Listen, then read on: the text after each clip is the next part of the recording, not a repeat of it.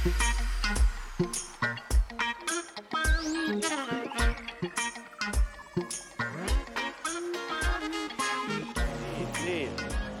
hakkame siis äh, tänasele arutelu alale vaikselt joont alla tõmbama, meil on äh, järjekorras äh, tulemas veel üks esinemine ja me räägime siis kinnisvarast, täpsemalt esimesed sammud kinnisvarainvestorina, paneeldiskussioon. Ja mul on au siis kutsuda kolm oma vestluskaaslast, siis alustame Liina Henninguga, kinnisvarainvestor, eelarvestaja, konsultant, hetkel investeerib valdavalt flippidesse, Saare Arulaane, ettevõtja, investor ja arst, siis äh, kogemusega nii Eestist kui Soomest, mis on siis võimaldanud ehitada portfelli, et, et siis äh, luua finantsiline sõltumatus enesele. Ja Anu Lill, kes on siis Äripäeva välja mõeldud tegelase investor Toomase meeskonnas. kindlasti, mis ma tahan veel julgustada, on see, et äh, olge minuga koos selles vestluses, sest et siin on enampakkumisel kaks raamatut, kes äh, küsivad, äh, mõtlevad kaasa ja, ja, ja on muidu aktiivsed, neid siis premeerime lõpus meenega, kahe meenega. aga ma võtan siis teie kõrvale siia istet. põgusalt hakkame vestlusega peale kõikidest võimalikest varaklassidest, et Anu, teeme sinuga otsa lahti. Mis iganes on võimalik, kuhu iganes investeerida, miks oled just näiteks endale valinud kinnisvara?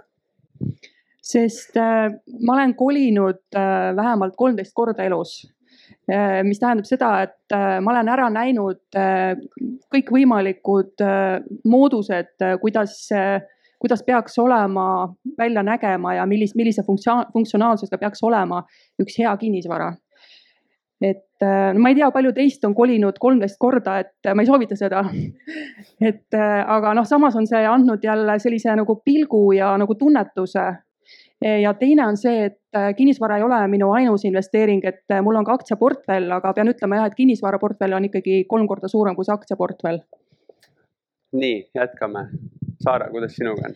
Äh, no minul ka ei ole kinnisvara kindlasti ainuke, ainuke varaklass, aga ma ütleks selles suhtes, mul on kinnisvaras kõige rohkem, sest ma arvan, et ma lihtsalt, ähm, ma arvan, et ma olen lihtsalt nii rumal, et ega ma väga palju midagi muud ei oska, et ähm, kinnisvara selles suhtes on selline hästi ähm, jämedakoeline äh, invest- äh,, jämedakoeline varaklass, et noh, et sa, kõik on nagu justkui näha, et noh, et peab remonti tegema, see on selge peab üürilisi leidma, see on selge, et noh, et kuidagi see tundub nii loomulik äh, elu osa lihtsalt, et kui ma mõtlen, et ma peaks kuskilt neid ähm, fundamentaalanalüüse lugema, et siis, äh, et ma mõtlen, ma lihtsalt olen liiga loll selle jaoks.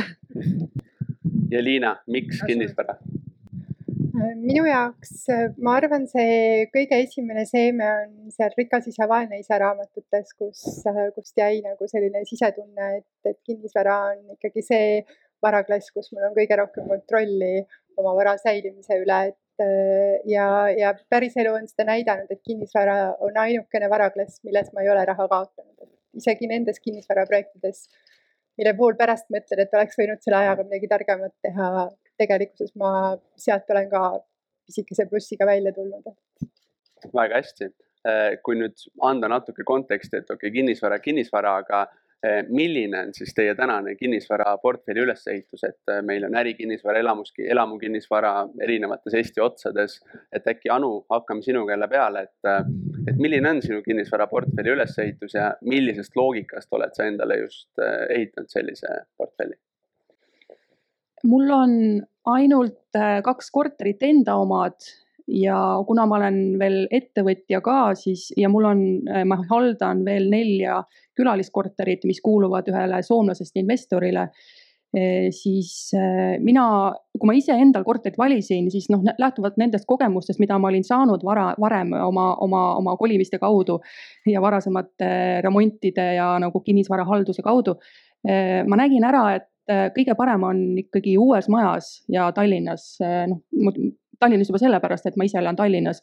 et äh, kui oleks näiteks, äh, on olnud mul, minul, mul on ka periood, kus mul oli üks korter oli Tartus, üürikorter. aga seda, seda on äärmiselt raske nagu hallata, sest äh, kuigi sul võib olla hea nagu isik seal Tartus, mingi maakler või keegi, kes, kes aitab siis leida üürilisi. et äh, lõpuks, lõpuks on niimoodi, ega maakler ei tegele sellega, et äh, tulla sinna kohale, näiteks lahendada mingisuguste üüriliste lärmamise probleeme.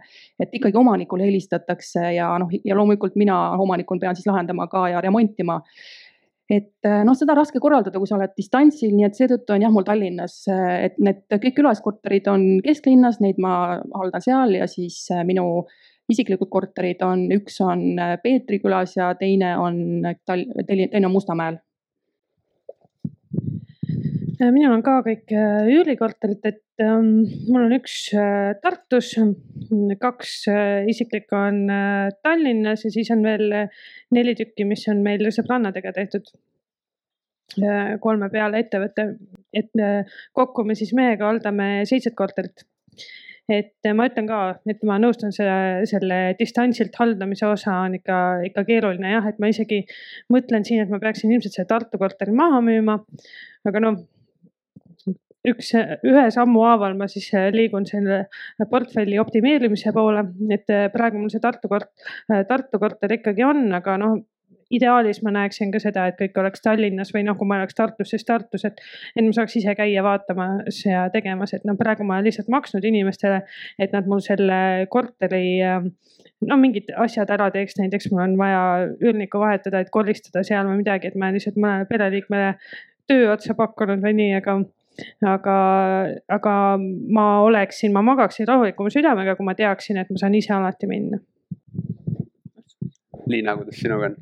Ja minu jaoks võib-olla eile siin ühes, ühes ettekandes oli juttu äh, nendest voorustest, et äh,, et vooruste koha, koha pealt võib-olla minul on olnud olemas julgus ja teine asi, et siis see seitsmest äh, patust on, on olnud olemas ahnus, et äh, ütleme sellise viie-kuueprotsendilise üüritootlusega ma ei ole kohe mitte tahtnud leppida, et, et selle tõttu minu portfell on olnud hästi aktiivne ehk siis korterite flip imises. Äh, ja kui võib-olla peab selgitama, et mis see flip imine tähendab, et, et ma püüan, püüan siis leida võimalikult hea hinnaga remonti vajava korteri, äh, mille siis võimalikult turule vastavalt ja säästlikult saaks ära remontida ja siis võimalikult kallilt äh, taaskord maha müüa. et äh, ja, ja selliseid koos äripartneritega hetkel töös on viis korterit, et eks me nüüd natuke jäime koroonale jalgu, aga aga ja, ja üsna suures osas oma investeerimisportfellist hetkel ootan rahas. aga mina ei tea, hetkel ma ei, ma ei oska öelda, mis asjad siin langevad, kindlasti ei ole need olnud kinnisvara hinnad. aega veel on loodetavasti. ehk äh, kunagi. jah, nüüd äh, väga häid mõtteid on juba kõlanud, et äh, korter, mis on teises Eesti otsas, on ebameeldivam, siis kesklinna, kesklinna sai mainitud, samuti uuemapoolset kinnisvara, ehk siis juba teie mõtetest saab omi noppeid teha Äh, aga võib-olla te mõtlete nagu täpsemalt sel teemal, et kuidas üldse investeeringukorterit valida, et milline peab äh, konkreetne objekt olema, kus asuma, kui suur, äh, et see oleks investorile üldse kasumlik ettevõtmine, et võib-olla äkki Saara, alustame sel korral sinuga. no Exceli tabelette peab arutama hakkama, et noh, selles suhtes äh, panen südamele ka seda, et noh, et kes nüüd tahab tõesti alustada, et ärge siis arvutage niimoodi, et, et mõtlete, et ja, et see korter maksab, ütleme kuuskümmend tuhat on ju, et ma saan sealt viissada eurot, saan seda üüri, see üürisumma, mis ma noh, ütleme, mille ma, millega ma üürin, on viissada eurot ja siis noh, teen selle arvutuse, et palju see siis protsent, protsendi mõttes nagu aastas tuleb, et noh veits on ikka keerulisem see asi, kuigi mina ka alustasin niimoodi. et noh, et, ähm, et valida tasub selline korter, mis on kõige, kõige kasumlikum et äh, see on loomulikult noh, ma tean inimesed, kes armastavad kinnisvara, see on raske mõte, seepärast et tahaks ju valida sellist korterit, mis on ilus. tahaks valida sellist korterit, mis äh, meeldib, äh, meeldib üürnikule, mis meeldib endale, mis on noh, kuidagi üldse äge on ju, või noh, selles suhtes, et, et ma saan sellest aru, et mul endal on ka need tunded. aga, aga noh, tegelikult, kui me oleme investorid, siis me ei saa päris niimoodi mõelda et äh, tuleb valida see korter, mis on, äh, mis on tulus ja see, kas ta on tulus või mitte, see tuleb korralikult välja arvutada. ehk siis sinna arvutusse tuleb kindlasti sisse panna äh, võimalus, et sul näiteks keskmiselt üks kuu aastas ähm, korter ei tooda midagi, sest sa vahetad üürnikke see võib olla rohkem, see võib olla vähem, aga, aga üks kuu on noh, umbes selline, millega võiks arvestada.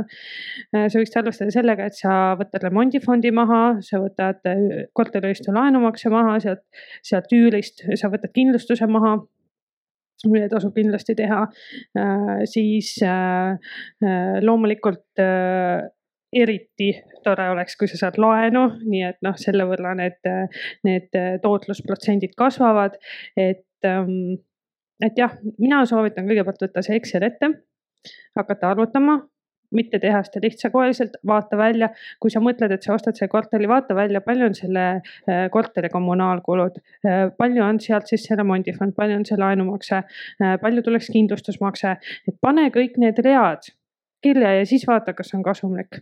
et see, mis sulle alguses tundub, et ah, nii äge korter ja kindlasti ma saaks hea hinnaga välja, sest ja seal Kalamajas, et seal ikka inimesed tahavad olla või nii. aga kui sul on mingi remondifond, et seal on viiskümmend eurot kuus, et noh, et siis see ei pruugi enam olla see hea objekt, et tasub mõelda. ma küsiks võib-olla jätkuküsimuse, et et saad sa palun oma kogemuse põhjal tuua näiteid, millised on nende kasumlike korterite karakteristikud siis näiteks, et on korter suur või väike asub äh, äärelinnas, kesklinnas, äh, asub kivimajas, puumajas? no ma arvan, et igalt poolt on võimalik leida häid diile, aga noh, klassikaliseks peetakse sellist äh, maks nelikümmend ruutu kahetoaline korter. et noh, et see on selline klassikaline, et noh, et mis äh, enamasti ikkagi välja läheb. ja, ja, ja mis äh, noh, see ei ole liiga suur, et kommunaalid oleksid liiga suured ja samal ajal see ei ole nii väike, et noh, et sul on võimalik ikkagi leida sinna baari, teinekord ka koos lastega või noh, lapsega. et, et noh, see on selline klassika, aga ma ütlen, see kõik oleneb sellest, et noh, et kuidas sa laenu saad, näiteks mul on ostetud üks korter teise kodulaenuga. no see on ikkagi seitsekümmend kaks ruutu kesklinnas et noh, antud juhul ma lihtsalt üritasin maksimeerida oma kodulaenu, ma ei us-, ma ei uskunud, et ma saaksin kolmandat kodulaenu juurde lisaks sellele, mis meie elame. et noh, muidu ma oleks võtnud kaks väikest korterit sinna juurde, mis oleks tootlikum olnud, aga no noh, et ma tegingi, ma võtsingi selle makslaenu summa, mis ma sain ja sellepärast ma võtsin ka suurema korteri. et noh, et see oli, et noh, see sõltub, sõltub asjaoludest jah mm,. arusaadav, Anu äh,, äh, kuidas sina valid äh, kasumlikku investeeringukorterit, mis karakteristikutest lähtuvalt? Saara just rääkis selle nagu arvutamise poole ära ja, ja, ja nüüd äh, ütleme niimoodi, et kui sa ostad uue korteri, siis sa võidki juba suht rahulikult elada umbes seitse aastat. sellel korteril, sellel korterelamul ei ole mingit laenu, see, seal ei ole mingit hullumeelset remondifondi. et selles mõttes, et need kulud on juba nagu suht minimaalsed, et see on nagu üks põhjus, miks eelistad uut korterit. uus korter on kallis, jah et ja seetõttu ei, ei pruugi olla see tootlus äh, nii suur, nagu, nagu tundub, et vanal korteril on. aga kui sa need ikkagi korralikult läbi arvutad ja vaatad, mis kulud seal tegelikult on, et äh, siis äh, ja, ja kui, kui, kui vähe tegelikult on nagu probleeme võrreldes vana korteriga, et sa ei pea kogu aeg seal jändama millegagi. et siis selles mõttes jah tuleks eelistada uut korterit. aga nüüd piirkondadest rääkides, et, et see nelikümmend ruutmeetrit ja kahetoaline ma just mõtlen, et mul on, mul on praegu näiteks külaliskorteritena on kaks äh, ühetoalist stuudiokorterit, siis on üks kahetoaline, noh umbes nelikümmend ruutmeetrit ja on kolmetoaline, siis ma vaatan, et, et ja kui need on kesklinnas, siis kesklinnas äh, jah, tasub tegelikult rohkem, kui te soovite nagu oma tootlust suurendada, äh, võtta pigem need nagu ühetoalised stuudiokorterid või siis kolmetoaline suurkorter, sest nende puhul on võimalik seda rendile anda ka lühiajaliselt et äh, näiteks stuudiokorteritega, et noh, kuigi Eestis on see turismihooaeg on kõigest kolm kuud, et äh, Eestis äh, noh, saab selle nagu stuudiokorteriga teha päris, päris head tootlust niimoodi, et sügisest kevadeni anda siis üürile, pikaajalisele üürilisele, näiteks soomlasele, kes tuleb Tallinnasse õppima ja siis suvekuudel anda üürile turistidele. et niimoodi peaks tulema enam-vähem mingi viisteist protsenti tootlust, võib-olla isegi rohkem. et äh, aga see ja kolmetoalist ma rääkisin seetõttu, et huvitaval kombel see kolmetoaline on olnud ka likviidsem, sest äh, ütleme niimoodi, et kolmetoaline nagu konkureerib mingil määral hotellide sviitidega et ühetoaline korter konkureerib tavaliste tubadega ja noh, muidugi ühetoalisi kortereid on alati vaja, see on selge, aga kolmetoaline korter konkureerib hotellide sviitidega, mida pole palju tegelikult. et seetõttu tullakse sinna ka, et see on ka see vakantsuse aeg suvekuudel turismihooajal on suht väike, et peaaegu olematu. Mitte muidugi sellel aastal, aga jah, muidu tavaliselt aga see kahetoaline, vot see ei lähe nagu üldse mitte nagu turistide mõttes, et seda on jah mõttekas nagu siis pikaajalisele üürilise anda, et äh, muidu varasematel aastatel oli seal ka okei okay,, aga see on kõige kehvem olnud nagu turistide mõttes. -hmm. nüüd äh, eriti huvitav on veel see, et me saame seda teemat käsitleda flip imise vaatest, ehk siis milline on edukas ja kasumlik flip imise projekt? just, mina arvan, et, et nagu igas äris, sul on hästi oluline aru saada Äh, millises piirkonnas sa tegutsed ja milline vara selles piirkonnas on defitsiidis. ehk siis mõnes piirkonnas see võib olla neljatoaline perekorter, mis on äh, kuidagi hästi säästlikult korda tehtud. Äh, mõnes piirkonnas see võib olla pisikene üürikorter, üürimoodul, mida soovib osta investor. mõnes piirkonnas see võib olla hoopis aianurgaga maja pool et, äh, et see on äh, selline hästi järjekindel töö õppida tundma seda, äh, seda, kus sa tegutsed. ja, ja mina kõigile flipijatele soovitan, et võtke kasvõi tänavakaupa ja, ja õppige selgeks see, kus, kus te tegutsete. ja siis te tunnete nii klienti kui tunnete ka seda, mida seal müüakse ja oskate oma Exceli enda peas juba üsna kergesti paika panna, et kas sellest asjast saab asja või või, või jääte pärast seda müüma pool aastat ja kommunaale tasuma? väga head mõtted. Äh, äh, mille vaatamise ja tutvumisega sina näiteks üldse analüüsi alustad, millised on niisugused eri, esimesed filtrid, et okei okay,, kui objekt neid filtreid ei läbi, siis on laualt maas ja on järgmine? Äh, no mina arvan, et, et kõigepealt on ikkagi oluline see, et, et kas see ostuhinna ja võimaliku müügihinna vahe on minu jaoks piisav, et ma sinna vahele suudan äh, mahutada remontimise kulud ja selle enda oodatava tulemi. et äh, ja, ja see on nagu hästi-hästi selline suhteline, et teinekord, kui ostuhind on väga madal, siis, siis asi, mida ma muidu ei võtaks, võib ära tasuda ja, ja järgmisel, järgmises situatsioonis võib olla nii, et, et ostuhind on üsna kõrge, aga kuna planeering on võimalik ümber teha ja liikuda hoopis teise nii-öelda vara, varaklassi, äh, võib see olla minu jaoks väga okei okay projekt. Äh, Saara, mille, mille vaatamise ja tutvumisega sina analüüsi alustad, millised on filtrid? no ikka see hind, see oleneb sellest, kui palju raha on, et äh, mina olen, mul kahjuks ei ole praegu veel no mul on küll maakleritest tuttavaid, aga ma ei ole saanud sellist eh, nagu nii-öelda, mul ei ole sihukest oma isiklikku maaklerit, eh, kelle juures ma käin neid objekte noolimas või nii, et. et mina ikka vaatan seda KV-d ja Cityt ja KV, KV-s ongi esimene asi, mis ma panen, on siis see hind. et noh, et palju, kui palju parasjagu praegu raha on ja, ja hind ja siis, eh, ja siis ma tavaliselt hakkan niimoodi, et linnaosade kaupa et hind ja siis linnaosa, seepärast et kui ma panen noh, ütleme kaheksakümmend tuhat on ju, siis noh, olgem ausad, sealt tuleb nagu Tallinnast näiteks no ma ei tea, mingi kakssada, kolmsada korterit, et noh, et seda ei jõua, et ma hakkan nagu linnaosade kaupa vaatama, et ahah, okei okay,, Mustamäel, mis nad pakuvad, kesklinnas, mis nad pakuvad ja niimoodi. et ja noh, tavaliselt on ka niimoodi, et ma jäljastan selle siis kuulutuse ähm, uudsuse järgi jäljest on selle listi, seepärast et tõenäoliselt need korterid, mis on väga kaua olnud seal müügis, ongi kas lihtsalt äh, väga ebakvaliteetsed, neil on midagi viga, neil on mingid puudused, nad on kaasomandis, mida iganes, mida iganes. et noh, et selles suhtes, et ma üritan vaadata kõigepealt need uuemad kuulutused ära, sest äh, see on tõenäolisem, et seal on tõesti nüüd nagu mingisugune potentsiaal Anu, millised on sinu filtrid? Ehm, no mulle meeldivad kõige rohkem sellised piirkonnad, ma vaatan asukoha järgi kõigepealt, et äh, sellised piirkonnad näiteks nagu Mustamäe, kus on, kus on mõni ülikool, et ja siis kesklinn läheb alati peale. Äh, ja siis no mõtlen nagu nõudluse mõttes, et noh, ülikool tekitab nõudlust Mustamäel näiteks. noh, kesklinnas on nõudlus turistide poolt äh, suvel näiteks, et ja, ja no üleüldse kesklinnas on nagu suur nõudlus alati ja kolmandaks, no näiteks Peetri, et Peetri ja muud teised nagu väiksemad äh, linnaäärsed nagu külad, mis kasvavad kiiresti, kuhu tehakse koole ja lasteaedu.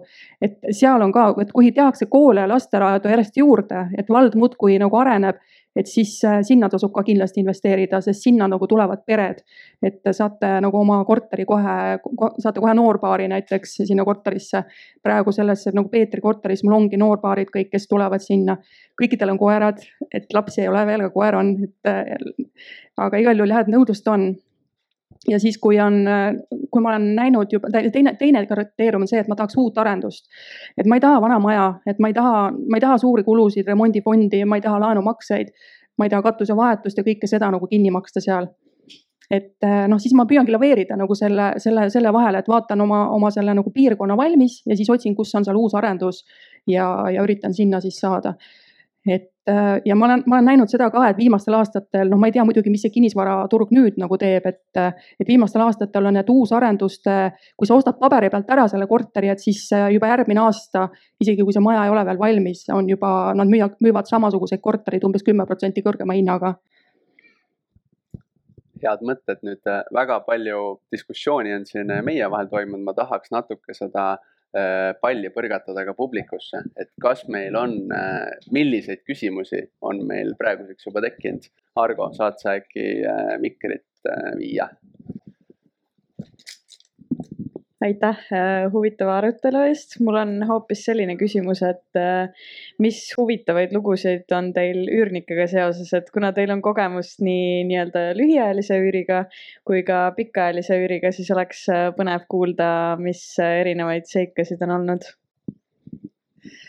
see küsimus on siis mulle ma ütleks niimoodi, et lühiajalise üüri puhul oli kõige kummalisem kogemus see, kui kui tuli välismaalane korterisse, oli seal kolm päeva ja siis äh, teatas, et ta sooviks tegelikult veel olla paar päeva. aga kuna nagu see korteri väljaüürimine nagu booking.com'i kaudu käib ettemaksuga, siis äh, noh, ta ei broneerinud seda uuesti booking.com'is, vaid äh, nagu minuga otse. mis tähendas seda, et ma pidin minema sinna siis seda uut ettemaksu koguma selleks järgmiseks kolmeks päevaks. ma läksin siis korterisse kohale ja siis üüriline tuli vastu ukse peale täiesti alasti ja mina ei teadnud, kuhu siis oma silmi peita, et mitte diskrimineerida või midagi, et noh, maksis mulle raha ära, ma läksin minema, kõik oli korras, elu läks edasi. Aga nüüd pikaajalisest üürilist rääkida, et äh, oli aeg, kus äh, ma, mul oli maja. Äh, ja ma kolisin sealt majadest välja, et kulusid kokku hoida. Äh,. sest see oli nagu selline aeg, et kus ma lahutasin ja siis noh, natuke finantsid olid äh, natuke kehvad. Ja siis ma üürisin oma maja välja ja sain siis sellise kogemuse, et äh, inimesed, kellel on raha maja üürida, maja, maja üürihind oli tuhat eurot kuus, et inimesed, kellel on raha maja üürida, äh, neil peaks tegelikult olema võimalik võtta laenu või siis oma kodu osta, et see tuhat eurot kuus on nagu üüratu summa, mida maksta nagu lihtsalt kellelegi ära, onju noh, ja siis äh, õnneks ma tegin kogu aeg kõikidele taustakontrolli ja minu juurde tuli üks pere mees ja naine ja naise puhul ma vaatasin, et, et tal on nagu, ta oli nagu kummaline, natuke teistmoodi, et silmad nagu natuke vilasid. aga mees oli nagu väga okei okay,, igati ontlik ja, ja nagu hästi tore mees. ja siis ma küsisin siis mehe ID-kaardi koopia ja hakkasin tegema taustakontrolli. uurisin igalt poolt, guugeldasin guugeldades tema nimi mitte kuskilt välja ei tulnud, isikukood mitte kuskilt välja ei tulnud, ometi umbes minu vanune et noh, peaks ju ometi olema internet juba olemas aastaid, on ju, et ta peaks kuskil olema koolide nimekirjas, tal peaks Facebook olema, mitte midagi ei olnud, ei leidnud. ja, ja siis õnnestus mul kuidagi karistusregistrisse nagu pääseda, teha sinna päring ja ma sain teada, et see mees oli vangist välja tulnud ja ta oli seal vangis istunud kolmteist aastat mõrva eest, eriti jõhkral viisil ja siis ma kirjutasin ruttu, et teate, ma ei soovi ikkagi teile üürida seda maja ja, ja siis värisesin veel mingi umbes kuu aega, et äkki nüüd tuleb ja mõrvad mu ära Saara, põnevaid äh, lugusid üürnikega? noh, ma arvan, et see viimane, üks viimane seik oli päris huvitav, kus ähm, meil äh, ühte väiksesse korterisse siis äh, hakkasime seda just üürima välja nüüd pärast koroonat ja, ja tuli selline noh, ma arvan, mingi nelikümmend, viiskümmend naine ja ütles, et oi, teil on nii ilus ja nii hubane ja niimoodi ja.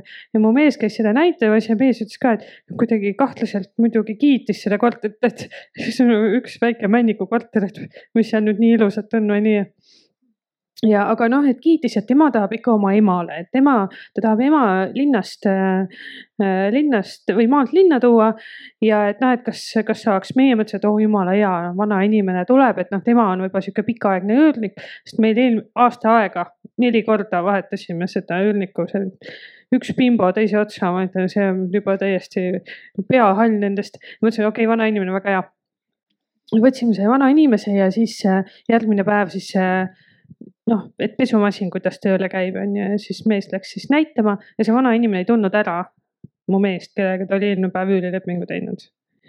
et äh, tegemist oli ikkagi nagu täisdementse inimesega. noh, me hakkasime siis selle tema tütrega rääkima, et jah, et äh, noh, et on ikkagi dementne inimene. ei, ei Need on antidepressandid, ta on arsti juures käinud, ma ütlesin, et noh, tead, et ma ise olen ka arst nagu, et. et ma näen küll, et tege, tegemist on dementse inimesega, ma arvan, et sellise, sellise dementsusastmega tegelikult ei tohiks ikkagi nagu üksinda elada, et noh, et. ta veel suitsetab, on ju, et kas tal on meeles, et ta ainult rõdul võib suitsetada, tal ei ole meeles aadressigi, ta eksib ära, nii edasi, nii edasi, on ju. noh, siis, siis see naine oli väga pahane meie peale. aga huvitav oli see, et see vana inimene ütles, et ja, et tal läks kass kaduma kuigi tal oli koer kaasas seal üür, seal, seal korteris. ja siis äh, mu mees küsis, et aa, et noh, et kas seal Haapsalus, et kus te enne elasite, ta ütles, et ei, ei, et siinsamas, siinsamas läks ka kaduma ja siis mees küsis, et aga milline kass oli ja vanainimene vastas selline hundikoera ja kolli segu. okei okay., no okei okay., ilmselt, täitsa sassis juba omadega. tütar ütles pärast, et ja, et oli küll kass, et noh, et ta, ta võib-olla rõdul kaudu põgenes seepärast, et ta oli nii šokis. mõtlesime, et kummaline pere, mida iganes, läksid välja, onju. ja siis mees läks juba järgmisele näitama seda korterit ja nad hakkas diivanit lahti võtma ja kujutate ette, see kass oli diivani sees jumal tänatud, et see kass oli elus, et me ei pidanud nagu uuele üürnikule nagu mingi surnud kassi käest korterit pakkuma. aga noh, see kass oli siis seal elus seal diivani sees ja hästi hirmunud ja niimoodi. siis ta tuli, tuli jälgi ka talle ja ma ei tea, see on ikka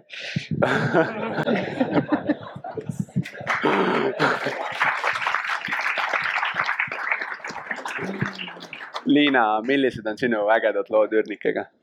Äh, mul üürnikega nii ägedat lugu ei ole, aga mul on flippimisega üks äge lugu, et äh, ostsin mina siis oksjonilt, kohtutäituri oksjonilt korterit. Äh, käisin korterit vaatamas, õigemini korterit seest ma üldiselt näha ei taha, ma tean, et seal tuleb täisrekk teha, et käisin maja vaatamas, kooli tänaval asus, maja oli olemas, täpselt selline nagu pildi peal. siis, kui oksjon oli võidetud, siis selgus, et ma ajasin linna nimed sassi, et ma ostsin selle korteri hoopis teise linna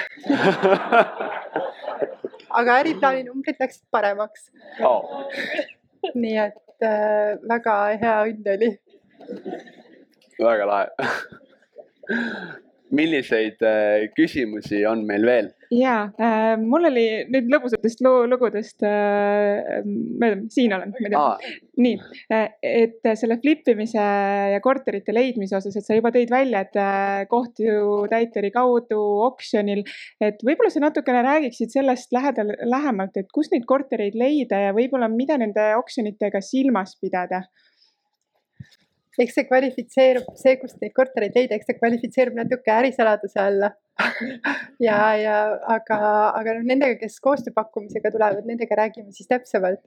aga oksjonid äh, korteri ostmisega, äh, seal peab ikka julgust olema, et, äh, et väga tihti ma neid seest vaatamas ei, ei käi, sellepärast et ma arvestan, arvestan sellega, et ma teen seal täisrekki, et ega seal midagi ilusat vaadata ei ole Äh, väga täpselt tuleb lugeda seda teksti, äh, mis seal kirjas on, tuleb vaadata, kas on hüpoteegid kaasas või ei ole.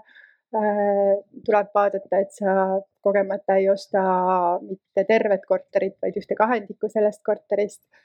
et see tahab natukene õppimist ja jälgimist. ma arvan, mina peaaegu üle poole aasta kammisin täiesti fanaatiliselt kõiki kuulutusi ja, ja lugesin ja arvutasin objekte läbi kümnete viisi, enne kui ma päriselt mõne otsu, ostuotsuseni jõudsin, et selle ajaga lihtsalt õppis, õppis, õppis selgeks selle, mis punkte peab lugema. et võtke, võtke aega ja õppige, siis jäävad vead tegemata. nii, saame me veel küsimusi võtta? siin paremal pool. jah aitäh teile, äh, aitäh, et jagasite neid ägedaid lugusid. Äh, sellest inspireerituna on ka küsimus, et äkki kuna teemaks on esimesed sammud, siis äkki jagate ka mõningaid hoiatuslugusid, mis nendega kaasnesid ja mida silmas pidada siis ähm, nagu halbade juhtumite puhul nii, nii rentimisel kui, kui ka siis flip imisel. aitäh. Anu, hakkame äkki, hakkame sinuga peale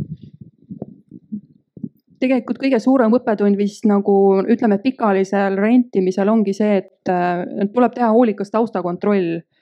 et äh, hea, et mul oli see tookord juba nagu see niimoodi juba harjumus sees, et tegin taustakontrolli.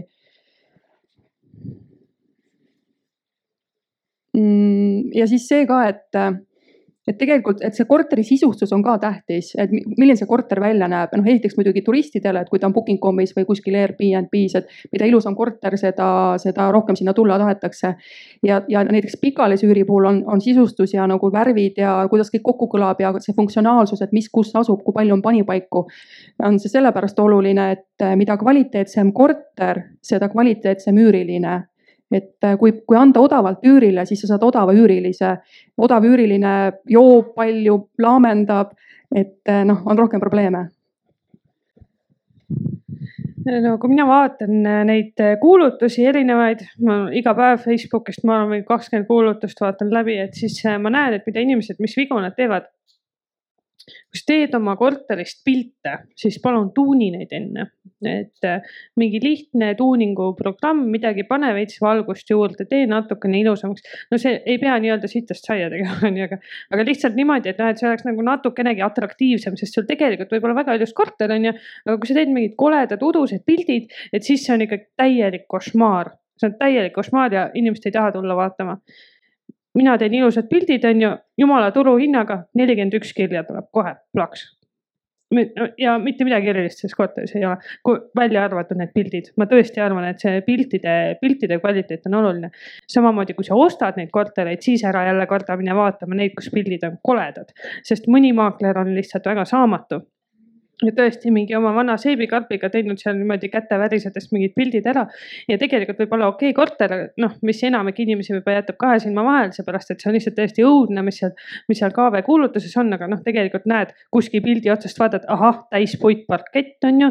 no sellest saab teha ju vapsi lossi on ju, et noh, selles suhtes, et tõesti äh, tasub, äh, tasub nende psühholoogilistele aspektidele mängida ja ma väga nõustun muidugi Anuga, et kui sa üülilist valid, et siis see taustakontroll on hästi oluline noh, äh, näiteks äh, meie vaatame alati sealt ähm, krediidiinfost, vaatame maksehäireid ja oleme ka üürilist äh, hoiatanud sellega, et kui tema meile nüüd ära ei maksa, siis meie paneme teda sinna maksehäiretesse üles. see on ka hea nipp, sest mõni üüriline väga kardab seda ja siis ta on hoopis vastutulelikum teie suhtes. Liina, millised on olulisemad mõtted flip imise vaatepunktist? Ma arvan, et hästi tähtis on tunda piir, seda piirkonda, milles sa tegutsed, et isegi ühe, ühe linna piires võib olla linnaosasid või, või kasvõi maju selliseid, kus elada ei soovita, et, et kui sa siis nii-öelda kaugelt helikoptervaates arvad, et ohoh, et ma sain hea hinnaga kätte, siis lõppkokkuvõttes oled sa sellega tükk aega kinni selle korteriga ja pead, pead oma soovitud hinnatasemest allapoole kõvasti tõmbama, et no kasvõi selline hästi väike näide, et Valgas on mõned majad, mis on täis mustlasi ja kuhu ükski normaalne mõistusega inimene enam korterit ei osta, et. et kui sa siis nagu äh, juhtumisi satud sellesse majja, siis võib see päris keeruline olla et õppige, õppige tundma seda piirkonda, kus te tegutsete, et, et, et teil ikka see vara pärast müüdav oleks siis jätkuna sellesse tegelikult äh, erinevate nurkade alt te kõik mainisite äh, üürniku või seal elava inimese siis tausta, kes ta on. Äh, tulenevalt teie kogemusest, mida te näinud olete, mida te kuulnud olete, et milliste sotsiaalsete parameetrite järgi üldse oleks võimalik prognoosida, et see, just nimelt see konkreetne üüriline on tõesti hea üüriline kui noor, vana ta peab olema, tööealine või mittetööealine, õpilane, mis iganes, mees, naine, eestlane, välismaalane. et äkki Anu, saad sa otsa lahti teha selle nurga alt? soomlasi võite alati võtta et nii, no üldiselt on, kuna Eesti on äh, Soome, äh, Soome kõrval või noh, naaberriik, et siis äh, juba turistid on, pooled on soomlased, kes minu korterisse tulevad. viiskümmend protsenti on soomlased, siis kakskümmend on venelased ja ülejäänud on siis kõikvõimalikud muud, eestlasi on väga vähe. aga jah, soomlased on hästi korralikud ja nad kardavad ka kõike, et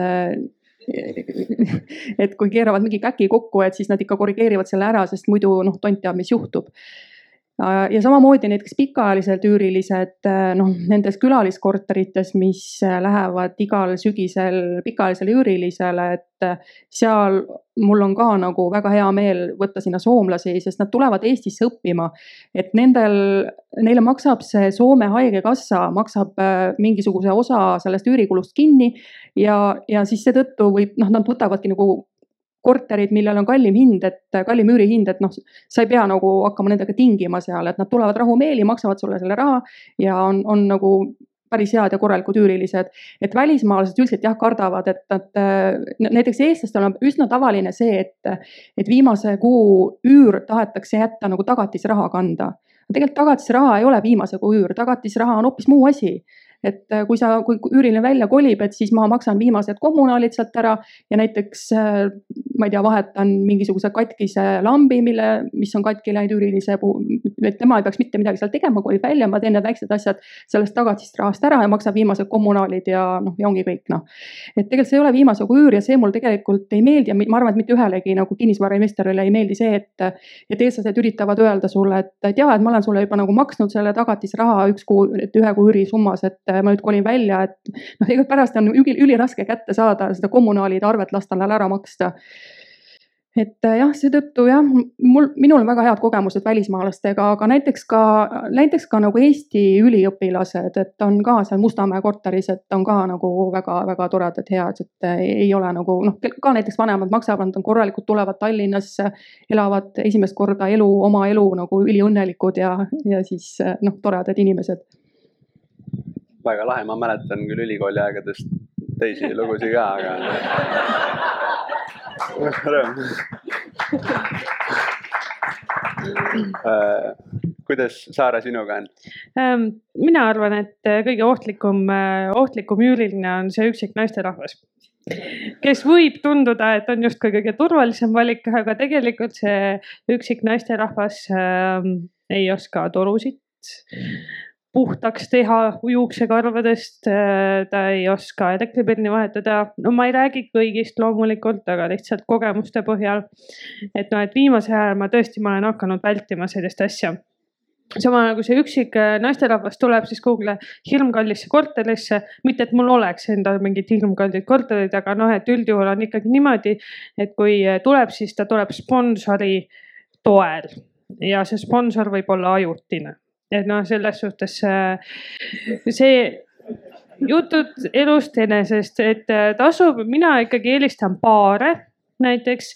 no mulle väga meeldib, kui inimesed on ausad, ütlevad, et ja, et me elamegi siin korteris sellepärast, et me kogume raha selleks, et osta oma korter noh, neil ei ole mingit suurt motivatsiooni hüpata ühest korterist teise, nad tahavad selle äh, raha panna oma eluaseme ostmiseks, nad on kindlad inimesed ähm, mina eelistan ka laste ja loomadega, seepärast mul ei ole tõesti selliseid uhkeid kortereid, kus, kus ma nüüd kardaks, et seal loom umbes kriibib seda kaks, kaks äh, kraapsu sinna tapeedi peale või mitte.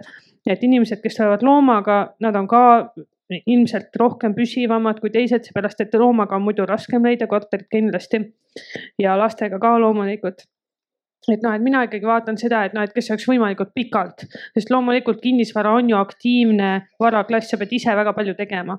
ja kui sul on üürikorterid ja sa leiad nende pikaaegse üürniku, üks mul oli viis aastat näiteks, no elu on lill, iga kuu saadad arve ja raha tuleb väga vahva ja Liina, on sul lisada flipimise või üüri, üürimise vaatest? ma arvan, et flipimise vaatest äh, võiks tuua ühe sellise suure punase hüüumärgiga hoiatuse, et äh, andke kõik juristid mulle andeks, aga mina elu sees mitte ühtegi korterit ühelegi juristile ei müü.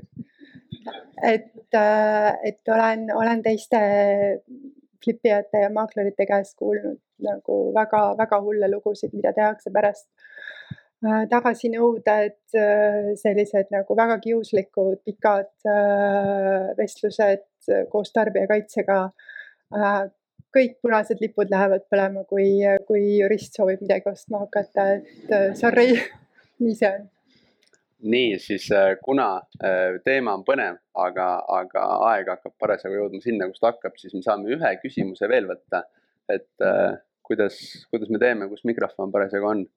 Argo, seal, võtame küsimuse tagantpoolt. ma tahtsin küsida, et teil on kõigil nagu mitmeid kortereid, mida te üürite, et kas te manageerite neid nagu sada protsenti ise või kasutate ka mingeid, on siin noh, maaklereid või, või rendivahendusfirmasid või midagi sellist? No ma alustan siis, meie, mina praegu teen kõik ise. et äh, selles suhtes, et isegi need korterid, mis mul sõbrannadega koos on äh, ostetud, et, äh, et meie mehega haldame kõike.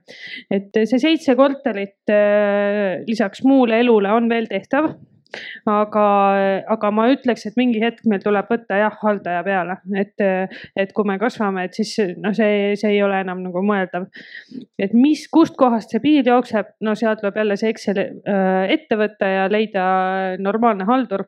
ma kindlasti ei tahaks võtta sellist, ma vabandan kõigi ees, kes on FIE-d, aga ma ei tahaks võtta sellist FIE maaklerit, äh, kes on täpselt selline, nagu me väga palju oleme näinud, see oma see seebikarbiga ja tõesti noh, ma teen ise seda tööd palju paremini kui, kui keegi teine teine, et noh, et siis see peab olema keegi kvaliteet, kes, kes tõesti teab seda turgu ja, ja oskab inimestega suhelda, oskab üürilisi valida. et noh, et ma praegu hetkel äh, lihtsalt äh, ei julgegi anda nagu neid kortereid ära, sest mul on tunne, et ma ei ole lihtsalt näinud nii head äh, maaklerit, kes teeks, aga jah, kindlasti peab mingi hetk, et noh, see ei ole, Ergo Mõttus vist äh, oma õega vist haldas kakssada korterit kahe peale ära, et noh, et, et mina kindlalt sihukese suutlikkusega ei ole. et ma arvan, et meil tuleb see piir ikka no umbes kümne kanti seal või nii ja Anu ja Liina, kiired mõtted teilt äh, sellega seoses? ja minul on ka piisavalt väike portfell, et tõesti ise hakkama saada, et äh, noh, külaliskorterite puhul on mul noored abiks, äh, kes siis, kes siis töötavad ja teevad suvel siis korterid korda ja võtavad kliente vastu. aga jah, täiesti saab ise hakkama, et, et kui see portfell kasvaks suuremaks, noh, võib-olla siis oleks vaja. aga ma ütlen ka täpselt nagu Saaragi, et minu arust maakleri amet on täiesti noh, see on nii lihtne amet, et nagu miks ma pean nagu laskma maakleril seda teha, et ja ta saaks nagu veel koorida ka oma raha üürilise käest, et ma võin ise anda otse üürile oma korteri ja üüriline võidab sellest ja, ja nagu keegi pole kaotanud, et äh, siin pole nagu mingit müstikat selle korteri väljaüürimisega. nii, Liina, viimased mõtted? maakleri poole pealt, et äh, ma pigem olen seda tööd senimaani ise teinud või siis äh, on äripartner seda teinud ja, ja võib-olla, et põhikasu on selles, et kui sa suhtled otse kliendiga, siis see annab sulle selle taju, äh, et mida klient soovib, äh, mis annab sulle tarkuse järgmises objektis midagi paremini teha. väga head mõtted, aga nüüd enne, kui me tõmbame kõigele joone alla, siis meil on üks tähtis ülesanne veel. et õigemini kaks tähtsat ülesannet, kaks raamatut. ma paluks äh, teie abi. kellele me siis saame need kaks raamatut anda? Et äh, milline oli kõige inspireerivam küsimus teie jaoks, võib-olla Anu, Saare? minu arust see halduse küsimus. halduse küsimus, nii. kes küsis halduse küsimuse, siis äh, siin on üks raamat äh, pakkumisel ja Liina, saad sa võib-olla teise valida äh,? minule meeldis üks küsimus siitpoolt äh,. ehk, ehk keegi mäletab ise äh, kätt püsti tõsta, kes küsis? mis küsimus oli üks mida küsimus seda? oli seoses sellega, et mida, mida siis vältida. just, just, et see, see vältimise küsimus minu arust andis nagu võimalust avada. nii, kes enne jõuab, saab valida, kumba raamatut äh, võtta. nii, siis palun ja suur-suur tänu teile minu poolt